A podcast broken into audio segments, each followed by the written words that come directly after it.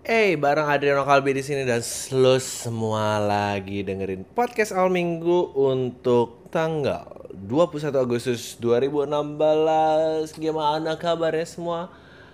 Apa dia masih belum balas WhatsApp lo? Oh. Tapi dia terus update Instagram. Oh. Ya, mungkin emang tandanya bukan lo aja yang ada di pikiran dia. um, geez, 21 Agustus ya. Tunggu bentar. Bener gak sih 21 Agustus? Ntar kalau gua salah dijudge. Oh, sorry, 22 Agustus. 22 Agustus 2016. Gila. Tahun ini pergi ke mana ya? Udah Agustus aja. Semua janji-janji ya udah terlewatkan lah satu tahun tersia-sia mau jadi apa. Um, gue actually nggak tahu mau ngomongin apa. Oh by the way, uh, hmm,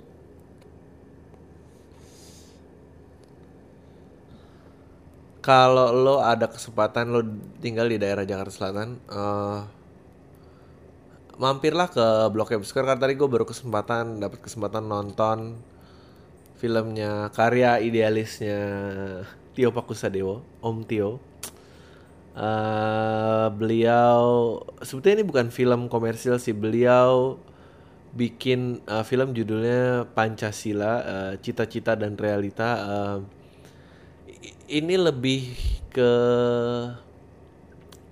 reenactment of historic moment di mana waktu itu Soekarno memberikan uh, pidato tentang perumusan Pancasila uh, uh, pada saat dia ditanya um, dia ditanya uh, tentang Indo kalau Indonesia mau merdeka itu apa yang menjadi dasarnya? Uh, filmnya itu monolog. Gila monolog. Lu lihat mukanya dia doang. Dia uh, sebagai Soekarno pidato kurang lebih 80 menit sampai 90 menit. Uh, dan pada saat itu emang pidato sepanjang itu. Uh, beliau berhasil meresearch dan mengumpulkan archive-archive dan kira-kira uh, pidatonya seperti itu. Kayaknya emang itu 100% pidatonya dia jadi uh, great movie uh, again mungkin nilai komersialnya nggak ada. Tapi if, if you have a chance untuk nonton mendingan tonton karena dikit banget. Ya beliau sih lagi berusaha biar film itu lebih banyak yang nonton uh, karena dia merasa ya ini kayak gue sempet ada sesi tanya jawab gitu dan gue nanya gitu apakah ini tuh sebetulnya apa? Apakah anda seorang Soekarnois atau dia bilang gue tuh bukan Soekarnois gue tuh nasionalis. Tapi kita akhirnya jadi akrab ngobrol-ngobrol seorang legend lah luar biasa um, hmm, ya uh, ya kira-kira kayak gitu. Ya karena I don't know. Eh, gue nggak tahu ya gue mau cerita. Gue share apa yang lagi ada gue rasain. Gue sebetulnya yang gue rasakan gue lagi bersyukur. Cing gitu. Ini tuh di tengah-tengah ada orang-orang dan uh, idola-idola remaja yang selalu mencari sensasi. Uh, Adriano yang udah cukup tua ini uh, uh, menyebarkan value bersyukur ya teman-teman. Um, ya gue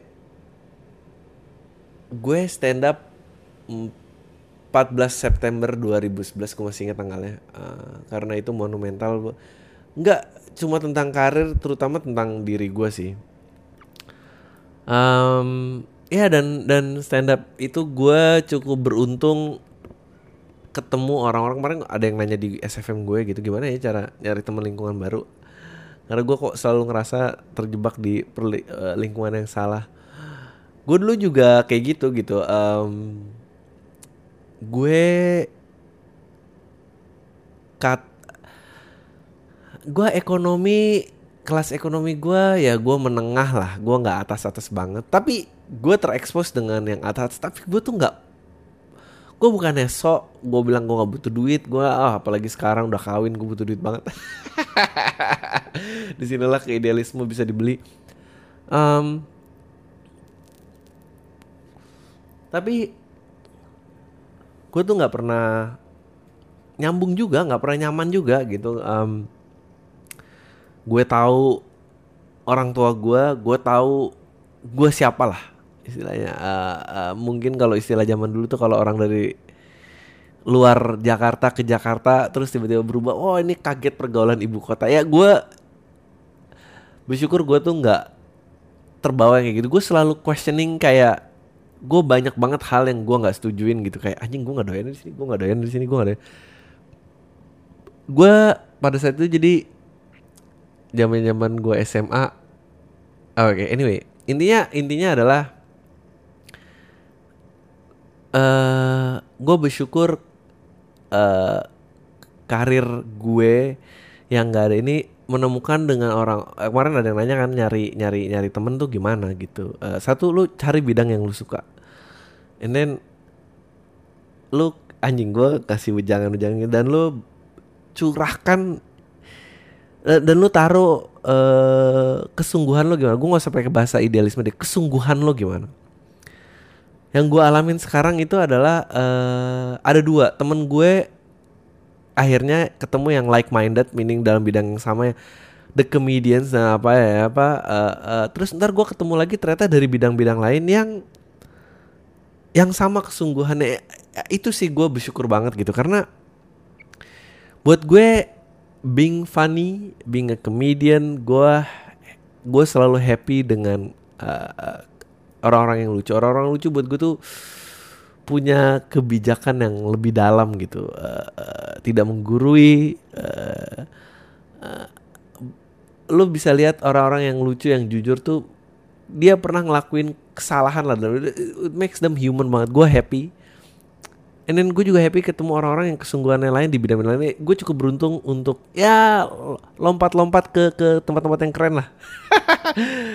um, ya pernah memegang punya radio di Hard Rock, uh, memegang program terusin provokatif proaktif pada saat itu uh, meskipun gak diperpanjang lagi gue punya program TV meskipun gak diperpanjang and then ya perjalanan gue ketemu uh, ya tiba-tiba Angga Sasongko seorang sutradara hebat dia menganggap gue gitu. Gue gue happy lah. Akhirnya ya mungkin lo udah lihat kalau lo follow Instagram gue atau Twitter gue ada gue mulai main web series bareng yang pemenang Piala Citra si Chico Jericho itu. Uh, ya itu pengalaman pertama gue acting. Akhirnya diajak lagi ke filmnya Angga bukaan 8 and then sampai akhirnya um, kenal dan bisa ngobrol uh, bareng the legend, the one and only Tio Pakusadewo gitu ya sampai oh ya gue udah pamit and then gue kira ya udah cuma ngobrol aja it's fine lah nyamperin gue oh Dri lu naik motor ya apa? Ini ini aduh. Ya happy lah. Gue happy. Um, ya ntar web seriesnya anjing kayak web seriesnya keluar deh tanggal 22 ini uh, web seriesnya Ciko uh, eh, gue happy uh, ternyata ya gue seneng ya gue selalu seneng proses kreatif sih. Ya udah akhirnya ya ketemu Om Tio ini lah. Jadi if you have the time please uh, tonton uh, karena karena ya memang cita-citanya pada saat itu besar banget. Jadi istilah pidatonya pada saat itu gue nggak tahu jabatannya Soekarno pada saat itu apa. Diterangin di film tapi gue lupa. Biasa gue kan lupaan. Dia ditanya sama uh, uh, uh, uh, kayaknya either pemerintahan Jepang atau pemerintahan Belanda pada saat itu kalau lo mau merdeka ya rakyatnya udah pinter belum? Dia, dia pidato lah bahwa lo Rusia tuh jadi negaranya sendiri 80% buta huruf at that time tapi dia merdeka dulu baru ada yang ini gitu. Um, dia bilang uh, Jepang eh, eh uh, sorry Jerman waktu itu keadaannya apa? Dia bikin nation sendiri. Uh, waktu itu dipimpin Hitler kan ceritanya pada saat itu. Um, Arab juga kayak gitu gitu. Tapi merdeka dulu baru ini gitu. Um, dia ya emang besar banget gitu ya. Ini perjuangan kata dia. Kalau kita nungguin katanya semua bisa baca semua bisa ini kita kapan kapan?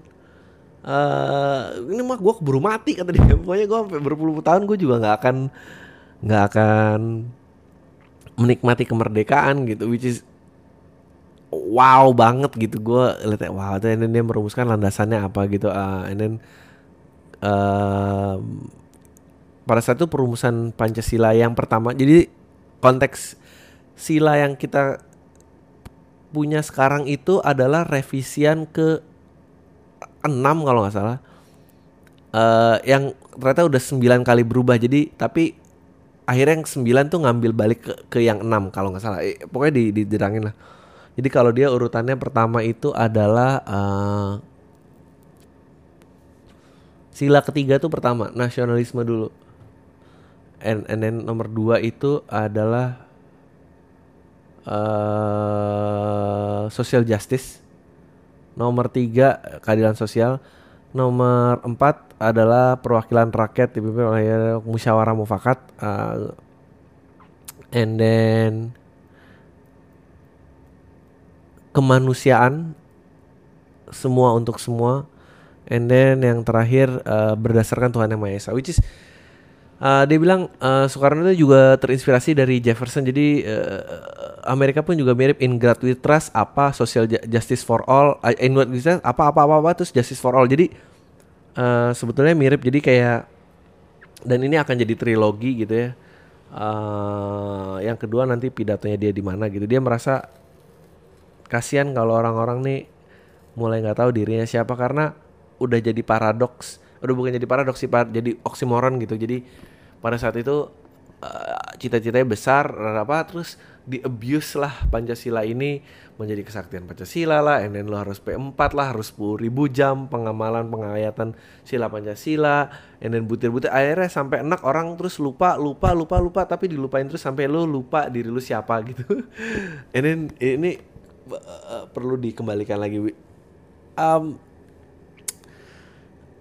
Iya terus dia combine dengan footage-footage dari ar arsip nasional. Cheese. Itu anjing emang Indonesia pada saat itu susah banget emang it takes ya gue gue percaya emang harus dipimpin dulu sih gitu karena demokrasi yang seutuhnya tuh emang bisa kalau rakyat lu udah makmur duluan selama itu emang harus di guide dulu gitu uh, um,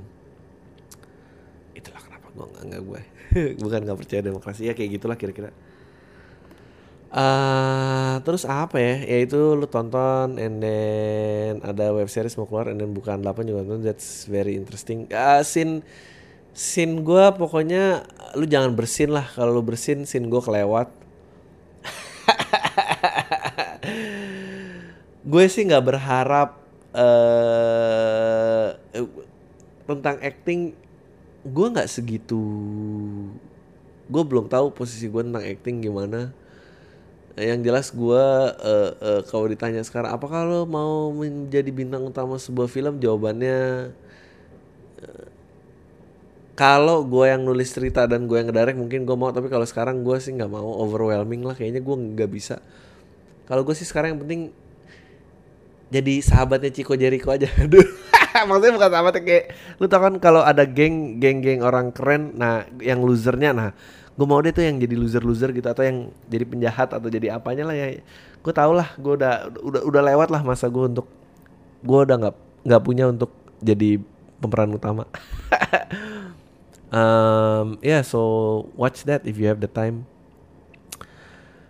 Uh, ini ada yang nanya-nanya bahasan ke gue untuk ngebahas apa um, pendapatnya tentang rokok yang dijadiin 50 ribu. Um, ya kembali lagi nyambung tema besarnya gitu. Pertanyaannya makmur dulu apa beradab dulu gitu kan? Uh, eh, gue masih tetap percaya makmur dulu baru bisa beradab gitu. Uh, tapi kan kalau Soekarno kan kemarin nggak uh, setuju ceritanya di film itu. Dia bilang kalau saya disuruh ini, ini sampai yang kecil-kecil ini, ini kapan kelarnya? Perubah merdeka itu harus sekarang bla bla eh mungkin he's right at some point tapi gue yakin gue juga bener. Tai lo ceritanya mau lawan pendapat lawan Soekarno?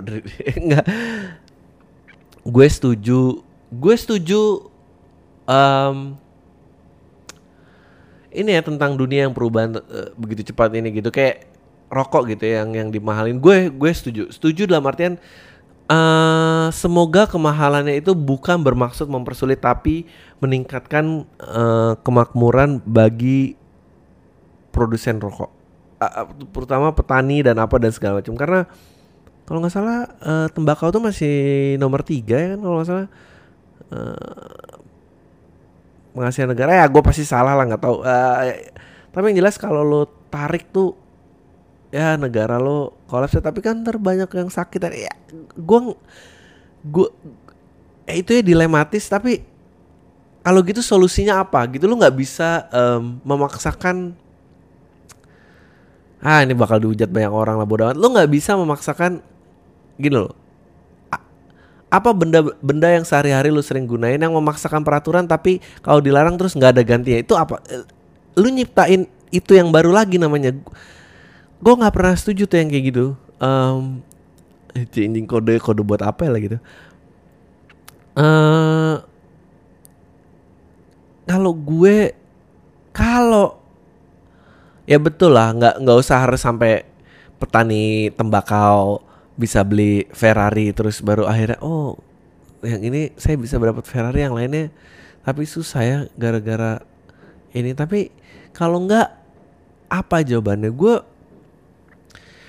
kayak keadaan ekonomi sekarang gitu ya. Um, gak usah ngomongin ekonomi sekarang deh. Uh, ya ekonomi sekarang. Jadi kayak dengan ada internet dan segala macam itu eh, internet itu kan meraup duit-duit receh ya.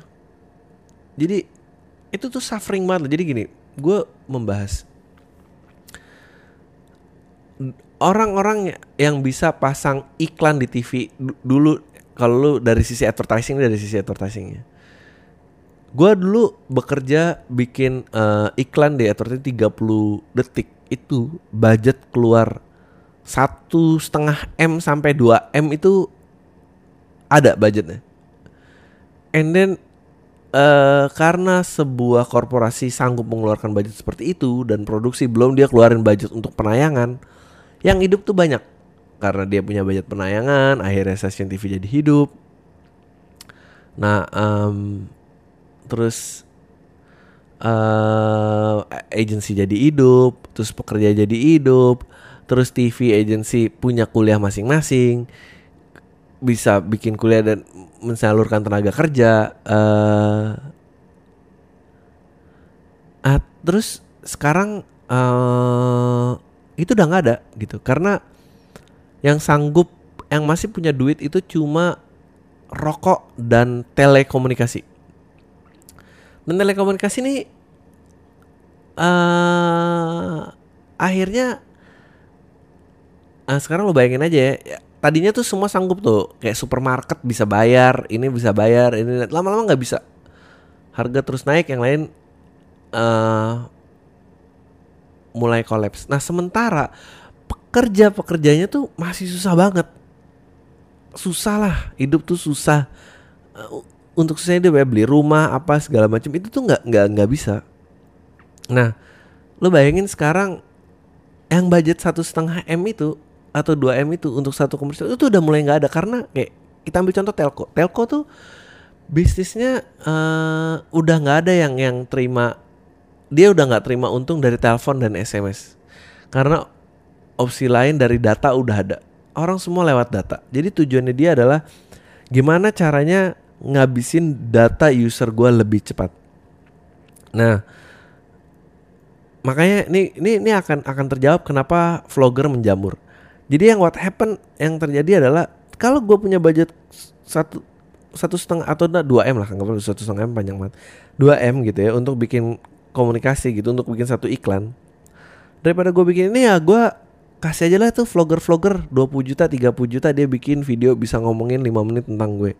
Atau nggak ngomongin tentang gue pun uh, kalau user gue tertarik ngeliat kontennya dia konten uh, datanya mereka cepat habis dan mereka cepet isi ulang lagi. Nah lu bayangin ya apa yang terjadi dengan pertelevisian apa yang terjadi dengan agensi apa gitu. Sementara masih ya sementara internet tuh YouTube membalikan ke usernya doang. Kan si YouTube kampret itu kan nggak kampret dia kan cuma buat dirinya dia doang. Dia nggak bikin universitas nggak bikin nggak nggak bikin ini nggak ada gitu perubahannya. Ya di Amerika bisa gitu karena banyak yang udah makmur dari pertelevisian banyak yang udah ini. Ini nah itu kita masih sengketa dengan televisi nasional sementara TV lokal belum berkembang sementara TV lokal lagi mau berkembang nah terus disabet dengan internet kayak gini. Ini ini dia yang gue maksud dengan kenapa per, perubahan tuh nggak boleh terjadi terlalu cepat. Daripada terus makmurnya kapan gitu? Ngerti gak sih maksud gue? Anjing ini nggak ada lucu-lucunya gini ya. Um, ya so so kalau rokok dilarang tidak boleh berkomunikasi terus penggantinya apa? Yang bisa menafkahi orang segitu banyak yang ngambil jatahnya dia itu siapa itu? Oke okay lah. Rokok jahat. Oke okay, fine. Fine. Fine. And then what? Apa harus semua berdarah nih? Demi cita-cita vlogger itu kaya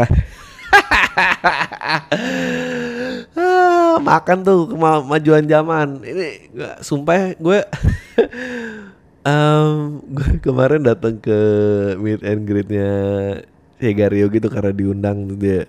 Uh, memperkenalkan gue lah gue uh, dia tadinya awalnya ngikutin pod, audio podcast bareng gue uh, terus akhirnya dia lebih ke vlog dan segala macam. Jadi um, kenapa vlog rame itu ya? Karena jawabannya itu ya tadi lu semua udah jawab. Jadi emang ada sebuah korporasi besar yang mengarahkan seperti itu gitu. Betul kita lebih internasional betul ada perubahan ini ini ini ini, it's just terus orang-orang yang belajar kuliah jurnalis orang-orang yang belajar ku, uh, kuliah broadcasting yang investasi untuk baru memulai profesional karirnya itu siapa yang ganti gitu? Ya yeah. apa lu selalu eh uh, eh, enggak dong survivor the fittest dong. You adapt or you die. Eh uh, ya udah lu aja yang bunuh sekalian maksudnya lama banget sih gitu. Gue tuh paling sebel sama yang pain and slow death gitu. Kalau lo emang believe sama itu ya lu ya lu aja ngerasa lebih jaya cek gitu. Tapi kan lo juga menggunakan fasilitas internet dan ya nggak tahu lah gue justifikasinya nggak ada sih. Sebetulnya gue sama aja. Well at least gue berusaha ngasih yang nggak selalu pro banget lah. Hmm. Ya itu sih kasihan gue. Kayak taksi gitu. Bener bener Uber gitu. Tapi anjing perusahaan itu udah investasi berapa banyak ada sekolah lu tahu kan gitu kalau Telkom gitu punya universitas lu tahu kan gitu kayak terus lu mau anggap gon gitu? Gara-gara lu bisa beli pocket kamera whatever Canon apalah itu gue actually tadi nge-tweet ada ide bisnis yang bagus banget lo. Karena semua orang udah jalan di jalanan ngobrol sama kameranya gitu ya. Kenapa gak kita bikin kayak holster cowboy gitu sih? Dari dari jadi tapi instead of lu nyimpen pistol lu nyimpen itu aja kamera jadi lu bisa langsung set, angkat gitu. Ibadah ribet. uh, eh gitu. Gue gue ah survival of the fittest. Tapi emang gitu ya. Gue tapi tapi gue juga ngerti mempertahankan diri di kekolotan yang lama tuh um, juga nggak ada bagusnya gitu. Kayak um, misalnya gue nggak bilang tarian daerah itu jelek tapi maksudnya si pena ah nggak tau lah kenapa sih kita harus ada pembaruan? Heran gue. Kenapa sih kita nggak udah ada jalur lama ini buat makan yang rame-rame aja gitu. Emang karena lu pengen dapat duit cepet aja kan lu menjustifikasi cara lu tuh benar gitu. Ya gak sih? Salah gak sih gue gitu.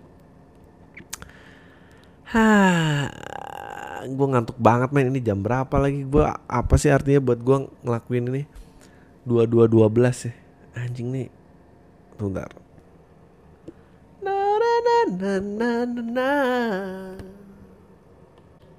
Udahlah kita langsung ke email aja ya. Udah hampir setengah jam juga um, Ini tai nih emang nih ini dari Ilham Bang, menurut lo berapa sih jumlah rata-rata pendengar lo yang jadi sebel sama lo gara-gara podcast ini tiap minggu? Gak tau gue. Gue inget pokoknya ada yang sebel sama gue um, uh, waktu itu. Gue berhenti dengerin podcast ini pas lu bilang motor ngelawan arus itu bukan salah motor ya. Actually uh, pada saat gue ngomong itu belum jadi joknya tuh. Tapi sekarang gue udah jadi gue bisa buktiin bukan dia yang salah di jok gue so ntar kalau ada show gue akan baru gue akan keluarin joke itu um, ya mungkin selalu ada kali ya tapi uh, again gue tuh mau I think sejauh ini pendengar gue adalah pendengar yang paling asik, paling lucu juga ngata-ngatain gue maksudnya relationship kita tuh enak banget. Uh, dan yang udah nggak mau ya udah pergi aja. Gue gue tuh nggak mau main manis-manis disukain sama banyak orang. Emang lu ya itulah yang bikin capek kalau ngedeketin cewek gitu ya. Lu bayar ini bayar itu lu selalu jadi lelaki yang lu tuh nggak mampu gitu. Yang pasti lu bisa pertahanin cuma enam bulan. Habis itu lu ditanya konsistensinya lu bingung. Ya salah sendiri lu sih gayanya uh, norak Oke, ini bukan, ini kerjaan jadi buzzer.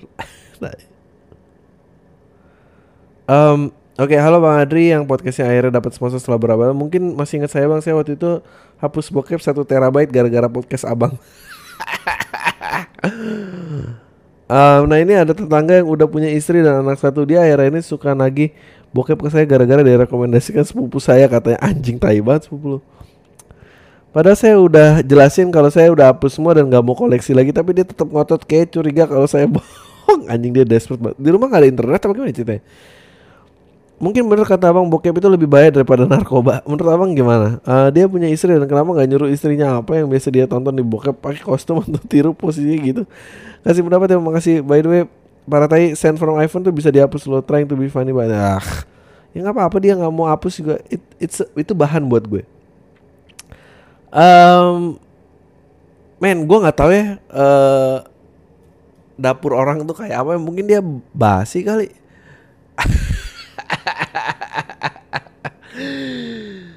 Anjing, uh, ya basi kayak ya kalau mau lu lalu mending gini, lu downloadin tiga film, habis itu dia nanya lagi nih, bang, saya cuma download tiga film, ambil aja. Bang, tapi saya mau tanya, saya kasih tiga film, abang juga cerita deh, abang tuh sebetulnya kenapa? Emang men bahaya men Kasian lo ntar realita sama Anjing yang ditonton sama realita tuh ntar makin jauh loh. Aduh Susah pas itu. Dan gue gak Emang mestinya tuh harus ada edukasi seksi Gue yakin ada batasan normal yang mestinya orang tuh boleh terekspos seperti apa Untuk mempertahankan apalagi ABG dengan raging hormon yang kayak apa. Itu pasti ada batasannya gitu. Tapi juga ada batas Aduh, ini makanya sok-sok menyerukan kebebasan kebebasan sih segala macam lah ya Bang lu nonton Mentalis belum? Kalau udah menurut lu bagusnya Mentalis apa Breaking Bad? Bang, thanks. Uh, eh, gue belum nonton Mentalis tapi Breaking Bad is one of the best TV series yang pernah gue tonton. Ini ketiga kalinya gue tanya lewat email singkat aja bang, bahas dong wacana pemerintah jadi rokok. Tadi gue udah bahas. Um, saya bukan perokok, ya gue bukan perokok tapi kadang-kadang suka mulai lagi kayak gitu. Kayak sekarang nih lagi mulai. Uh, gue termasuk orang yang ketir kenaikan bukan ketir diri gue tapi kedua orang tua gue memang benar perokok benar-benar sehari empat bungkus. Anjing salam tai strength ya tadi gue udah bahas uh, eh, gue harap sih lari ke peternak uh, petaninya ya gitu. Kalau orang-orangnya ya terserah lo kalau udah nggak mampu sih. Tapi orang pasti beli sih. Dan menurut gue kalau emang lo mau ngentiin kalau lo mau ada impact gitu ya emang harus kayak gini kayak penggunaan pengurangan penggunaan plastik gitu cuma dihargain 200 itu sih bullshit sih menurut gue kalau mau itu plastik sepuluh ribu gituin aja Kalau if you really wanna cut it. Tapi nggak tahu. Bang, gue mau tanya. Lo tau Richie nggak? Gue tahu. Eh, yang berapa bulan lagi lagi happening di YouTube. Kenapa Doi nggak se-booming yang Lex padahal dia main di acara We The Fest? Uh, apa karena lirik rapnya dalam bahasa Inggris dan dia ada ya blogger Sonya Erika jadi netizen nggak heboh? Coba nonton gue udah nonton. Lo tau Perch nggak? Semua semua warga USA bebasin satu malam untuk membunuh secara legal.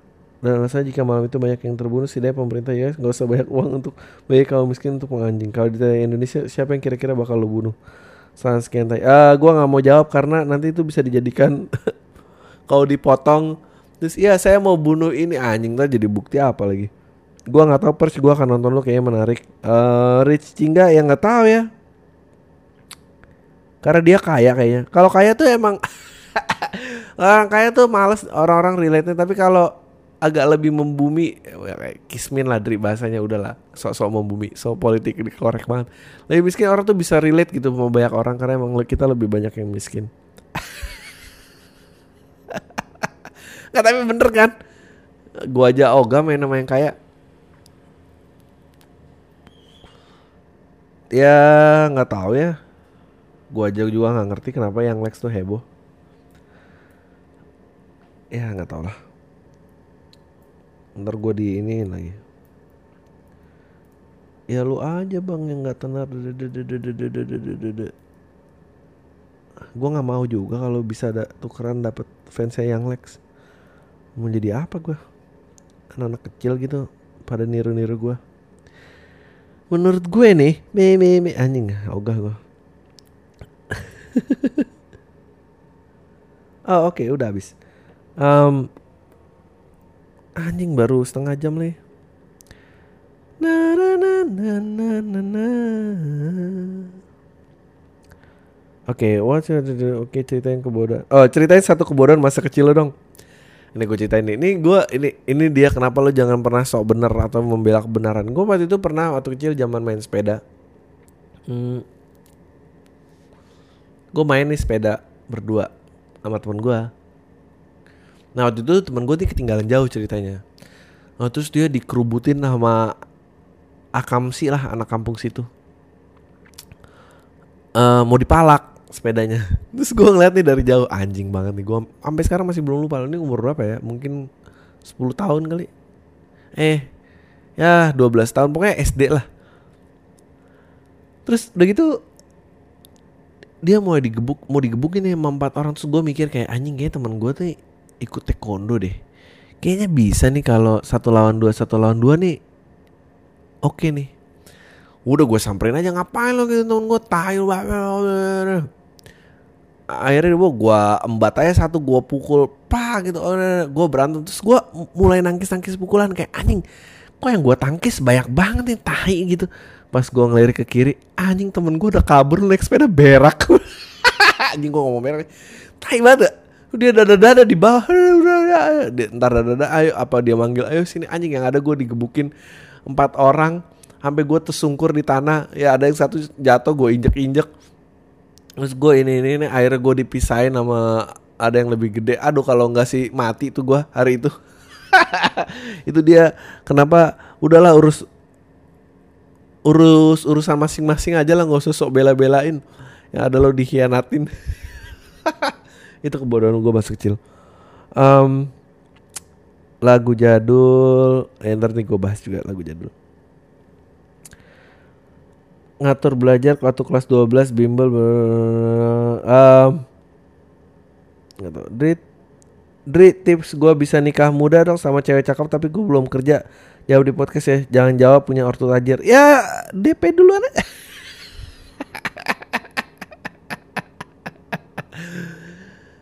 men gue nggak ngerti loh sama obsesi obsesi orang pengen kawin. Kawin tuh susah loh. Kalau kalau lu pengen anjing. Apa lu tuh hidupnya lebih susah lagi? Jadi pengen yang susah aja tuh sebuah improvement apa gimana sih ceritanya? Ap, lu pengen, ngapain pengen ngapain sih lu pengen kawin tapi lu belum cewek cakep lu belum kerja? Lu mau jadi cuma bawaan orang gitu apa gimana sih? Aduh. Dasar lo nggak punya.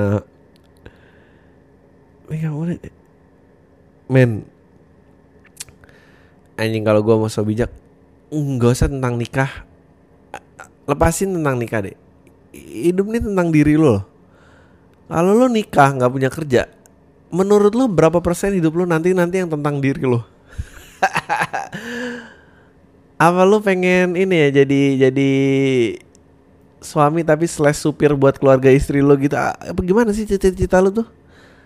Ide kebahagiaan buat apa lo ya udahlah kalau emang istri gue tajir dan gue nggak kerja terus gue cuma di gak gitu dipandang derajatnya sama ya udah gue nikmatin. Apa emang cuma segitu? Kalau emang itu cita-cita lo ya boleh aja. Ya tahu gue hanya gue ini dia kenapa uh, gue nggak gitu suka internet karena orang kayak lo aja tuh nyampe dengerin gue ini mesti lu nggak ada di sini. Tai. Um, aduh.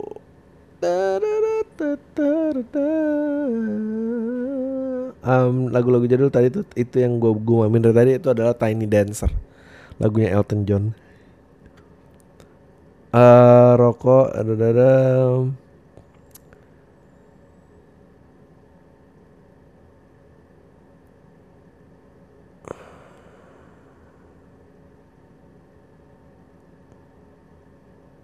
uh, air mata ya itu Tiny Dancer gue ngeluarin air mata. Tapi ada penyanyinya yang cover sih lebih keren. Uh, anjing mana sih tadi pertanyaannya? 12 dia bisa nikah. Bang menurut lo lebih baik orang yang kerjanya bagus tapi keberanian bikin gaduh apa orang yang kerjanya kurang tapi adem ayam? Ya nggak ada yang bagus lah. Masih lebih bagus yang kerjanya bagus. Kalau yang kurang terus adem ayam itu gunanya apa ya? Udah kurang. Nggak kelihatan lagi orangnya Uh, Oke, okay. di, luar negeri kan negara tempat lo masih merayakan merdeka gitu nggak? Nggak. Cara merayakan kemerdekaan gimana? Uh, nggak ada ya. well, nasionalisme itu kan paham yang ada di sini di luar udah nggak gitu menyukai lah nasionalisme karena kan emang impactnya nasionalisme itu kalau berlebih kan menjadi uh, uh, uh, what do you call it bukan chauvinistic um, apa Jepang sama Jerman tuh apa ya? Ya itu nasionalisme yang berlebihan. Dia merasa bangsa lebih tinggi daripada yang lain. Tapi menurut gue istilah bangsa yang masih berkembang gitu kayaknya cukup penting ya untuk memegang diri lu siapa gitu. Uh, iya, gue gue tuh paling nggak bisa sih sebetulnya um, di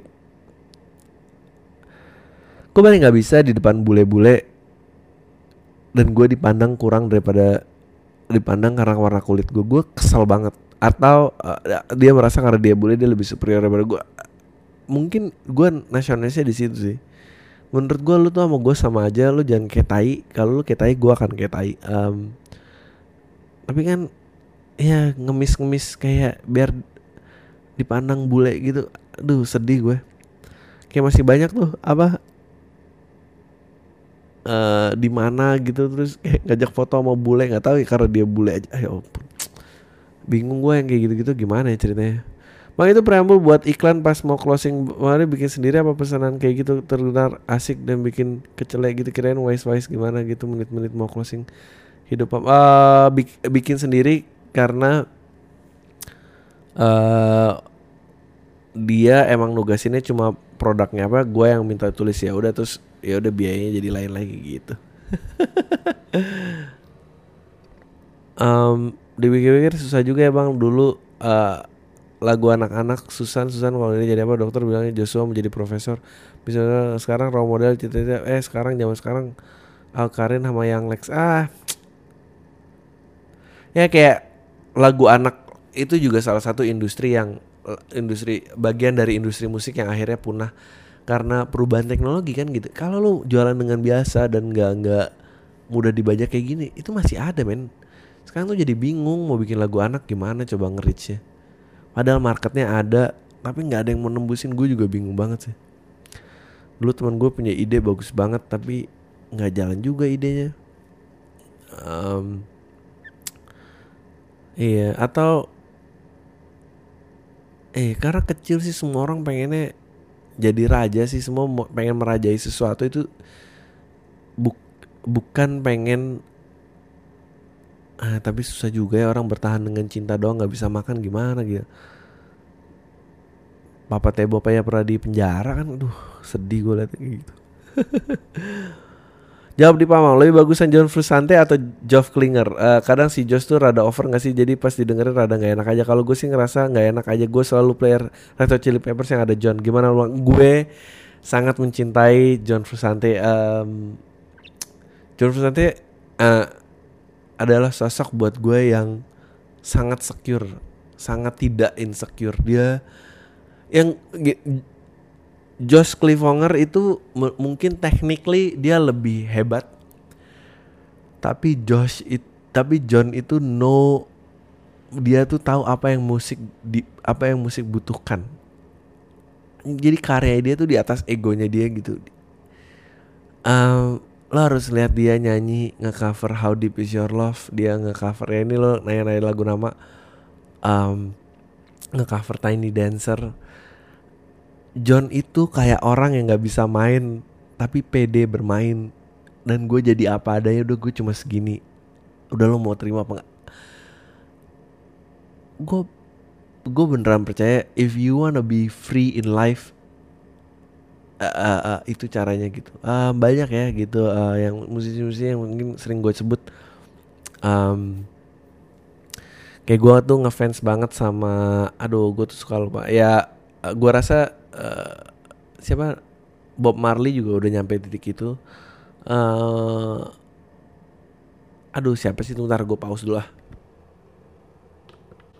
Bob Dylan, nah Bob Dylan tuh juga nggak bisa main suara sumbang. Um, waktu itu ada interviewnya si Flea atau cewek tuh dia bilang anjing ini dia ngomongin musik tapi I think it's a philosophy in life. Dia bilang what really matters adalah by the end of the day what matters is your total commitment to be fully uh, pokoknya dia ngomong tentang komitmen lu untuk aware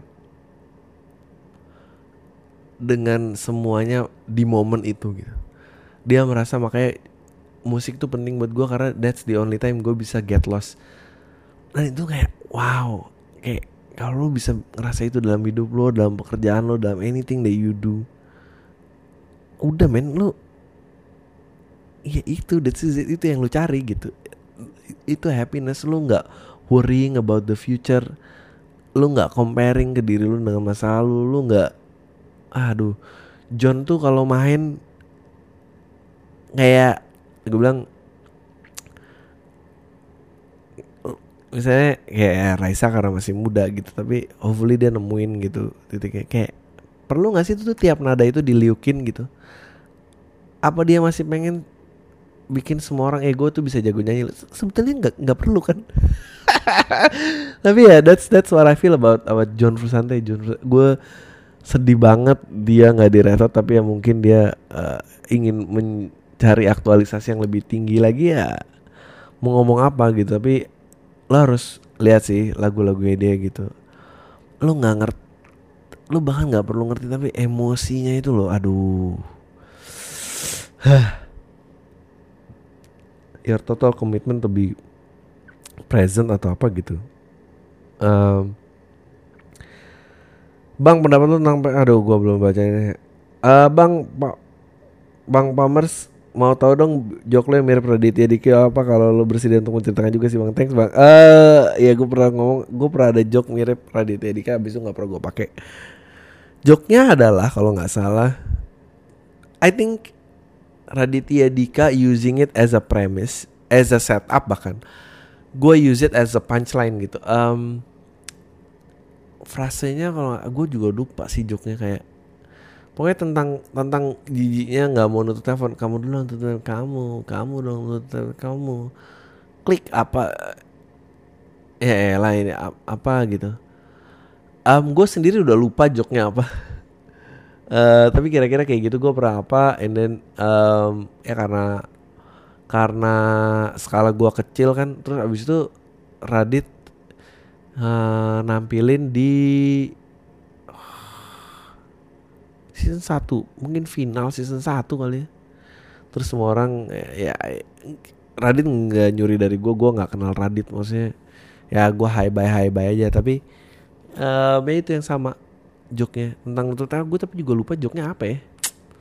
Udah lama itu lima tahun yang lalu ya kayaknya. Rokok mau tadi gue bahas. Bang bener gak sih menurut lo belajar sesuatu apa pun itu nggak akan ada rugi? Padahal gue ketemu banyak orang yang udah lupa sama yang dipelajari di kuliah atau sekolah. Kerjanya nggak ada hubungan dipelajari dulu. Jawab di podcast. Um, gue tadi ada nanya lo bakal niat ngambil S2 gue nggak ada niat ngambil S2 tapi gue kayak nggak akan pernah berhenti belajar. Um, mungkin itu kali maksudnya gitu. Um, kalau dipikir-pikir gue juga masih senang anjing kalau gue dulu punya daya konsentrasi untuk menyerap apa pun yang di berikan pada saat SD SD, SD gue masih pinter lah. SMP dan SMA tuh yang udah mulai parah.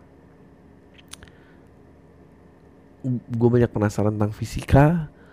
Um, dan itu struggling banget kayak anjing gue tahu nih rumusnya mesti apa kayak tentang percepatan dan apa mesti gimana. Um, gue banyak penasaran tentang gravitasi gue penasaran dengan konsep waktu um, dan sekarang struggling banget gue. Um, gue gak tahu ya, gue gue seneng sih discovering new stuff gitu. Yang yang tadinya gue nggak tahu terus gue kayak oh ini gue oh, oke. Okay. sekarang ini um, ya yeah, I guess gue I like to understand life.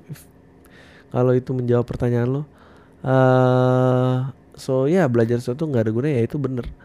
Uh, tapi kayaknya yang bikin gak ada gunanya adalah kalau di force dari luar itu yang jadi susah. Tapi kalau emang lo punya curiosity buat itu menurut gue ya go for it man.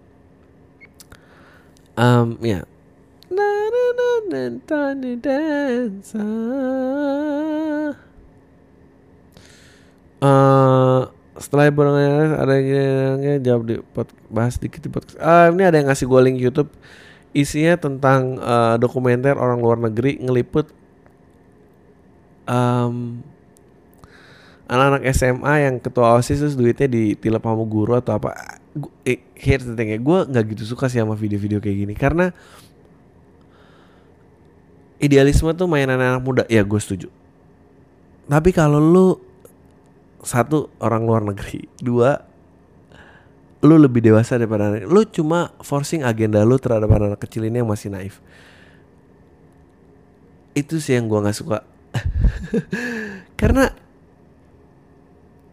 menurut gue it's not about right on wrong matter. Menurut gue it's about the empathy. Uh, sekarang ada yang pernah bikin dari sisi baliknya nggak? Kenapa guru tuh harus sampai korupsi itu yang mestinya dipikirin gitu. Bukan tentang kayak kayak misalnya anak, -anak muda yang anti hukuman mati. Oke okay, fine. Gue pernah ngobrol sama orang-orang lembaga bantuan hukum uh, pendapatnya tentang kayak hukuman mati itu nyelesain orang nggak nyelesain kasus. Anjing tuh quote yang kuat banget dan itu bener gue setuju. Tapi selama lo belum utuh sebagai manusia gitu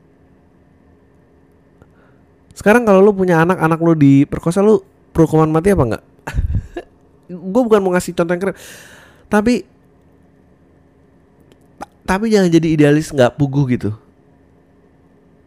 uh, I think nggak tahu ya idealisme tanpa empati juga gue rasa cuma jadi kegila. Gue juga bingung. Gue juga pernah sih ketemu orang-orang yang idealis nggak nggak nggak pernah peduli sama orang lain dan dia mencapai tujuan yang dia perlu capai. Tapi gue setelah gue ngobrol-ngobrol sama orang-orang kayak gitu, gue kayak juga gue nggak mau sebut nama aja. I think gue kayaknya nggak mau deh jadi orang-orang kayak gitu. I think kalau lu ah, gua rasa nih kalau lo mau inspire nggak I, I don't know it's very confusing buat gue gue sih sangat kasihan sama guru gue dulu juga benci banget sama guru gue sekolah di negeri kayak, uh gue sebel banget kayak lu nggak menangani jawab jawab lu memutuskan tapi kayak sekarang now emang gue lebih tua gitu gue look back kayak wow. Anjing gue kalau jadi dia gue juga kayak gitu sih gitu. Maksudnya guru kemarin dicubit gitu gue kayak dilaporin dikenain undang-undang penganiayaan anak. Anjing. Ya lu jangan lu jangan try to impose standar lo ke guru yang kesejahteraannya kayak gitu lah. Makanya ini balik lagi nih mau sejahtera dulu apa apa beradab dulu gitu.